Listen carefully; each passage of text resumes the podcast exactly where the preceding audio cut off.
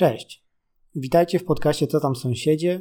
Jest to moja cotygodniowa relacja z tego, co właściwie dzieje się za Odrą, jeśli chodzi o politykę, o społeczeństwo, o najważniejsze tematy, także o Berlin, w którym od kilku lat żyję. I e, tak, staram się co tydzień Wam dawać pewien, pewnego rodzaju ogląd ogólnej sytuacji, a dzisiaj skupię się na elementach, które można potraktować jako terapeutyczne terapeutyczne w tym sensie, że dedykuję ten odcinek wszystkim tym, którzy często wzdychają, słysząc o kolejnych polskich przekrętach, mówiąc, że to nie miałoby prawa się wydarzyć na przykład w Niemczech czy w innych krajach Europy Zachodniej. Otóż ten odcinek udowadnia, że takie jak zarobki i standardy życia potrafią być na Zachodzie większe, tak również większe są i przekręty. I dzisiaj opowiem Wam m.in. o tym, że Niemcy mają również swojego Jacka Sasina i jest to Jacek Sasin o 53 razy lepszy od tego polskiego, jeśli chodzi o kwotę, którą przewalił w trakcie swojego procederu. A zatem zaczynamy.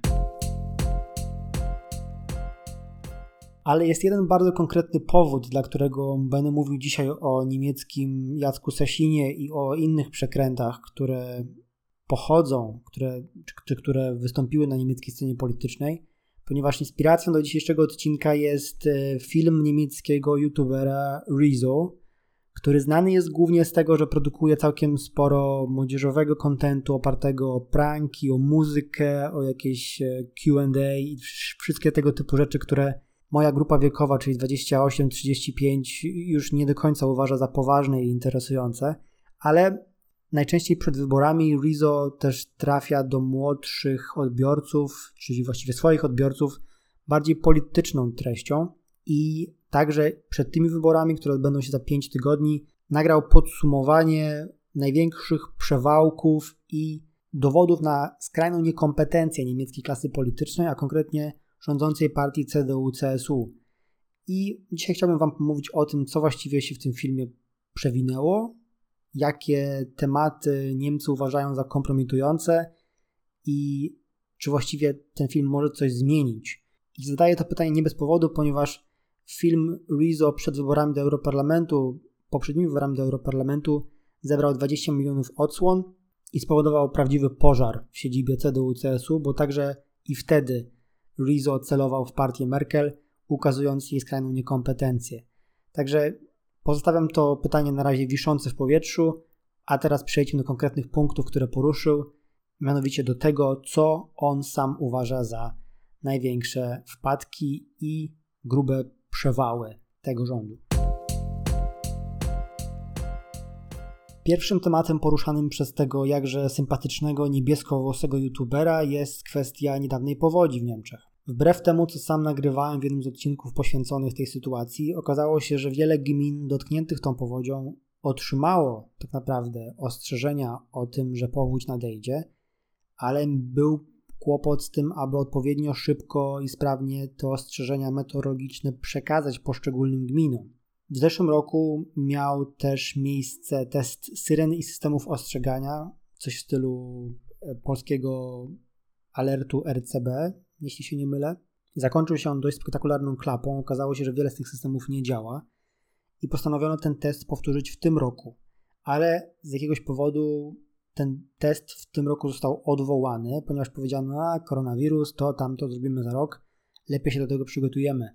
I kilka dni po tegorocznym odwołaniu tego testu nastąpiła właśnie powódź. I w trakcie tej powodzi nie było przetestowanych sposobów na ostrzeganie ludzi przed tym, że nadejdzie ta wielka woda.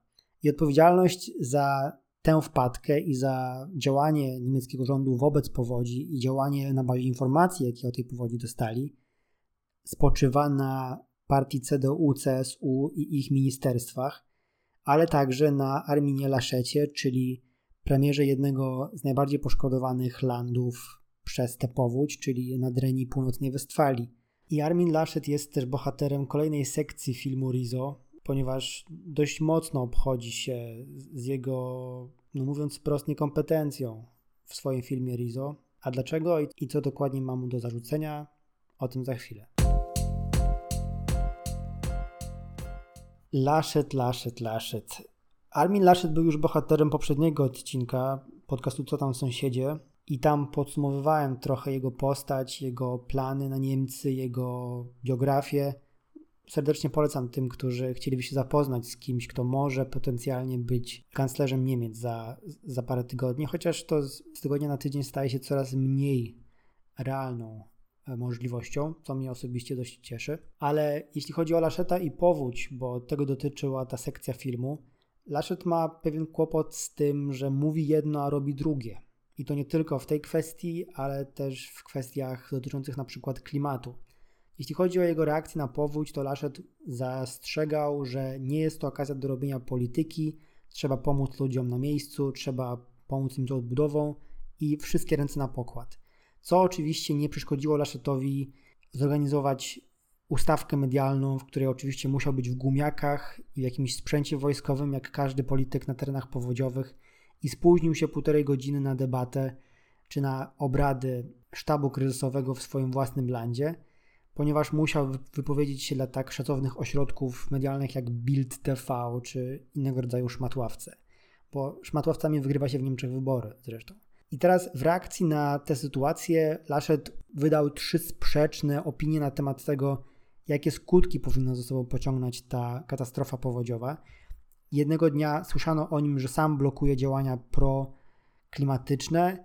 Potem mówił, że jest gorącym zwolennikiem działań tych, e, które mają na celu ochronę klimatu, a wieczorem w telewizji mówił, że z powodu jednego dnia powodzi nie zmienia się kierunku działań politycznych. A do tego wszystkiego dochodzi jeszcze kwestia tego, że Laschet podczas przemówienia prezydenta Niemiec na terenach powodziowych dość szkaradnie się śmiał, ponownie e, po, podobno usłyszawszy jakiś żart i całą ten, cały ten jego rechot na terenach powodziowych zarejestrowały kamery. On sam myślał chyba, że jest w drugim planie i nie będzie tego widać. Także tak, cały Armin Laschet.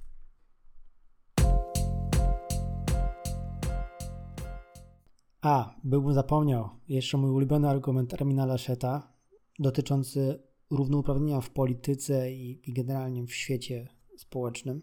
Otóż Armin Laschet jest zdania, że czasem nawet to mężczyzna jest w stanie lepiej wdrożyć równouprawnienie w, w swoim otoczeniu i że to może całą tę równouprawnieniową robotę trzeba by oddać białym mężczyznom w jego wieku, czyli około 60, bo oni też to potrafią, to nie muszą być wyłącznie kobiety. No, nad tym to proponuję zasłonę milczenia spuścić. Drugą antybohaterką filmu Rizo była minister rolnictwa i żywności Julia Klekner, również z partii CDU-CSU. I ona z jakiegoś powodu wpadła na pomysł, aby nawiązywać dość dwuznaczne i przede wszystkim sprzeczne z faktami współpracę z wielkimi koncernami. Jedną z najbardziej takich oburzających ustawek była była kampania, czy jakiś wpis na Instagramie minister, ważna uwaga, czynny minister rolnictwa i żywienia, która zaprosiła do swojego gabinetu szefa firmy Nestle i przez swoje własne kanały na social mediach rozpowszechniała, jak się później okazało, nieprawdziwe informacje o produktach Nestle, mianowicie o tym, że Nestle pozbyło się 10% cukru ze swoich produktów i że to jest świetny pomysł, świetna inicjatywa. I co gorsza, to nawet nie był bezczelny lobbying wynikający z tego, że Nestle ją do tego przekonało. Julia Klekna sama chciała to zrobić. Co zresztą jakby w tym momencie mój mózg już wybucha. Ja nie, nie do końca jestem w stanie sobie wyobrazić, dlaczego można nie sprawdzić twierdzeń potentata, który kłamie, łupi i ma fatalną prasę na całym świecie, zanim puści się je w świat. No ale mniejsza. To nie była zresztą pierwsza taka współpraca, w której Julia Klöckner nie do końca pokazała, że rozumie powagę swojego stanowiska, ponieważ w innej ze współprac influencerskich, tak, chyba doszliśmy do tego etapu, że ministrowie i ministry nawiązują współpracę sponsorskie, influencerskie z koncernami. Doszło do takiej sytuacji także z siecią Kaufland. Była to ustawka, jakieś wspólne gotowanie, w stacji Kaufland TV, coś takiego. Julia Klöckner, która powinna się teoretycznie opowiadać za jak największym dobrostanem zwierząt, podczas tej ustawki gotowała mięso pierwszej, czy tam smażyła mięso pierwszej klasy, czyli te, które w najmniejszym stopniu bierze pod uwagę dobrostan zwierząt. Kolejnym segmentem filmu Rizo jest coś, co można by podsumować jako przykłady tego, że niemiecki rząd albo nie wie, co ma w swoim programie, albo robi ludzi w chuł. Nie chcę, aby mój podcast znalazł się w, w explicit content, także przyjmijmy, że mam na myśli robienie w bambus. I koronnym przykładem tego, o czym, o czym mówię, jest na przykład kwestia dostępu do internetu.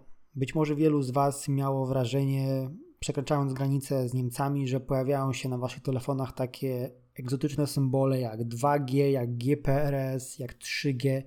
Wszystkie te, te rzeczy, które my kojarzymy z lat 2000. W Niemczech są one cały czas obecne z bardzo prostego powodu. Otóż jeszcze w zeszłym roku jedynie 4,7% infrastruktury internetowej w Niemczech było światłowodowe. Dla przykładu i dla porównania, średnia dla krajów rozwiniętych OECD to jest 29%, Szwecja ma tej infrastruktury 73%, a Hiszpania 69%. I jest ku temu bardzo konkretny powód, mianowicie niemiecki rząd, czyli CDU-CSU właściwie od paru dziesięciu lat, notorycznie okłamuje ludzi, jeśli chodzi o budowę infrastruktury internetowej. I zaraz mam dla Was przygotowaną listę obietnic, które zostały złożone i niespełnione jeśli chodzi o rozbudowę infrastruktury internetowej w Niemczech. Jeśli mi się uda, to podłożę pod ten fragment piosenkę z Benego Hilla, ale jeśli nie, to musicie ją sobie wyobrazić w głowach. Otóż słuchajcie, w 2008 i 2009 roku obiecywano szerokopasmowy internet w całym kraju do 2010 roku. W 2011 obiecywano 50 megabitów do 2014 roku dla 3 czwartych gospodarstw domowych – w 2012 roku 50 megabitów do 2018 roku dla wszystkich. W 2016 roku obiecywano 1 gigabit dla wszystkich do 2025 roku. W 2017 pomysłem był szerokopasmowy internet o wysokiej wydajności, czymkolwiek to jest, do 2017 roku, czyli jakby w ciągu roku mieli to wdrożyć. W 2018 roku obiecywano światłowód dla wszystkich do 2025 roku i żadna z tych obietnic w przeszłości nie została zrealizowana, a nawet te, które dotyczą przyszłości, są zdaniem ekspertów niemożliwe w realizacji. I znowu należałoby zadać pytanie: CDU nie wie, czy świadomie robi ludzi w bambus? Innym przykładem jest też kwestia tego, kto skorzysta na reformach podatkowych partii CDU-CSU Wspomniany już w tym odcinku Armin Laschet mówił w wywiadzie w telewizji, że nie będzie odciążeń podatkowych, jeśli będziemy redukowali podatki, to raczej dla tych, którzy zarabiają mało lub są klasą średnią. No ale dziennikarze powiedzieli w Niemczech sprawdzam i sprawdzili, co właściwie stoi w programie CDU-CSU i okazało się, że na tym programie skorzystają głównie bogaci i dla nich będą odciążenia. Zatem po raz kolejny albo nie wiedzą, albo chcą, żebyśmy w to wierzyli. A teraz creme de la creme tego odcinka, czyli opowieść o tym, że Niemcy nie gęsi i swojego Jacka Sasina mają.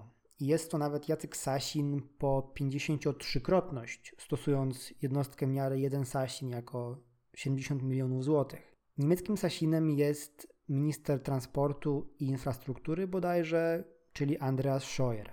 Andreas Scheuer pochodzi z partii CSU, czyli bawarskiego odpowiednika partii CDU, i wpadł on na pomysł wprowadzenia winiety, czyli opłaty za przejazd niemieckimi autostradami, ale tylko dla tych, którzy pochodzą spoza Niemiec. I pomysł nie byłby w sobie właściwie nowy, ponieważ wiele krajów już go rozważało, ale za każdym razem pojawiały się pytania o to, czy jest on zgodny z prawem europejskim.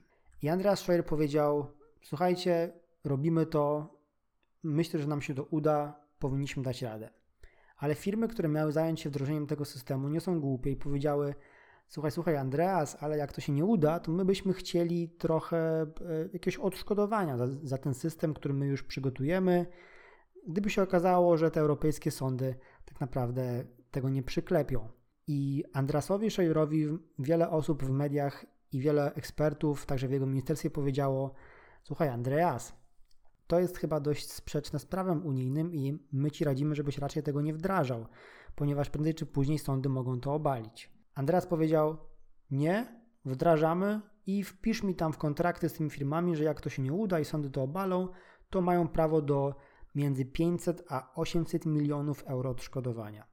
I można było poczekać z podpisem tych wszystkich umów na wyrok Europejskiego Sądu, ponieważ toczyło się już, z tego co wiem, parę postępowań w tej sprawie, ale Andreas Scheuer świadomie brnął do podpisywania tych papierów, wiedząc, że sytuacja prawna nie jest jasna i konieczności tego, aby zrobić to szybko, też nie ma.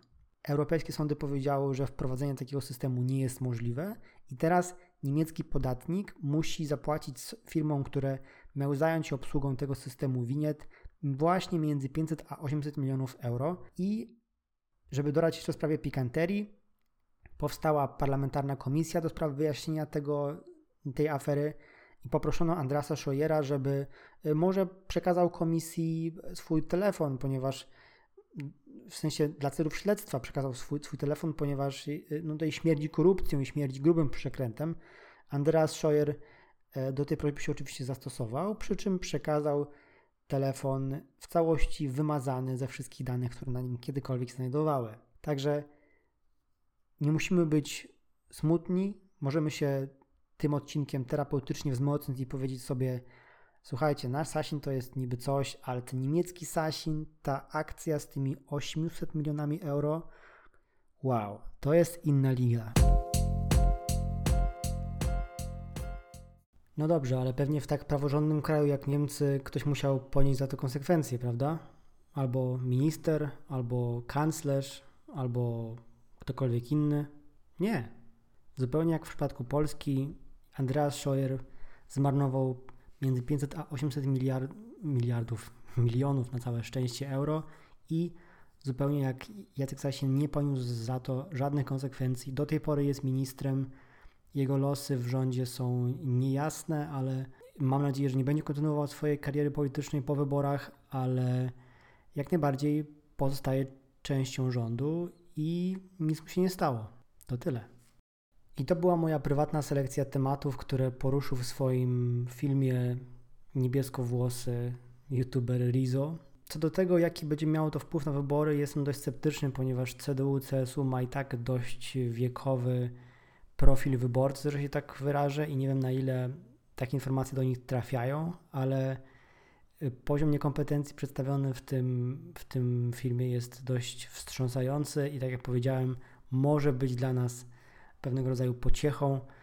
Postaram się też w kolejnych odcinkach skupić na przykład na kwestii historii rozwoju sieci internetowej w Niemczech, ponieważ to jest temat interesujący sam w sobie, co doprowadziło do tego, że e, ten internet jest tak słaby, jak, e, jak jest. I tam też są różne polityczne machloje i przekręty, które, które chciałbym Wam nieco przybliżyć. Tymczasem dzięki za dziś. Mam nadzieję, że jest Wam mile na sercu po tym po, po tej prezentacji niemieckiej niekompetencji politycznej, ale może to wcale nie jest taka niekompetencja, do, do której my w Polsce jesteśmy przyzwyczajeni. Nie wiem. Chyba trochę straciłem swój własny ogląd, więc dajcie mi śmiało znać, czy to są porównywalne sytuacje, czy, czy jednak jest to wciąż inna para kaloszy i nie należy tego z polskimi standardami równać. Dzięki za dziś, trzymajcie się, cześć.